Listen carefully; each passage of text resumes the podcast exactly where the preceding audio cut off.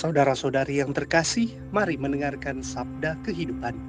Matius pasal 24 ayat 46 dalam Matius pasal 24 ayat 42 sampai 51. Berbahagialah hamba yang didapati tuannya melakukan tugasnya itu ketika tuannya itu datang.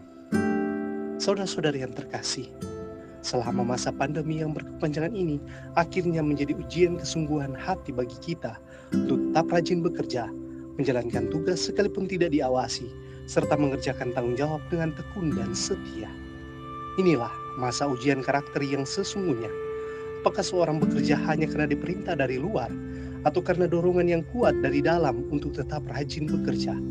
Terus berikhtiar, melakukan yang terbaik, tidak menyerah pada keinginan diri untuk tidur dan bermalas-malasan Inilah kesempatan melatih diri untuk menambah motivasi dalam diri bahwa pembatasan-pembatasan yang ada tidak membuat kita terbatas dalam bekerja secara maksimal.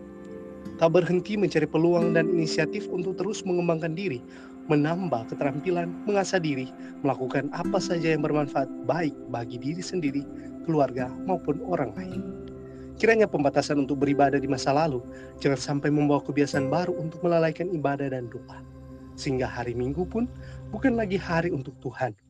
Semoga kita semua termasuk dalam golongan yang oleh Yesus disebut hamba yang setia, yang didapati tetap tekun dan rajin bekerja serta berdoa, apa pun situasi yang kita hadapi. Ya Yesus, beri kami rohmu yang kudus untuk tetap bertahan, tekun, setia, dan penuh sukacita mengerjakan tugas hidup kami. Mari terus berkarya menjadi hamba Tuhan yang setia. Pastor Revitano, PR.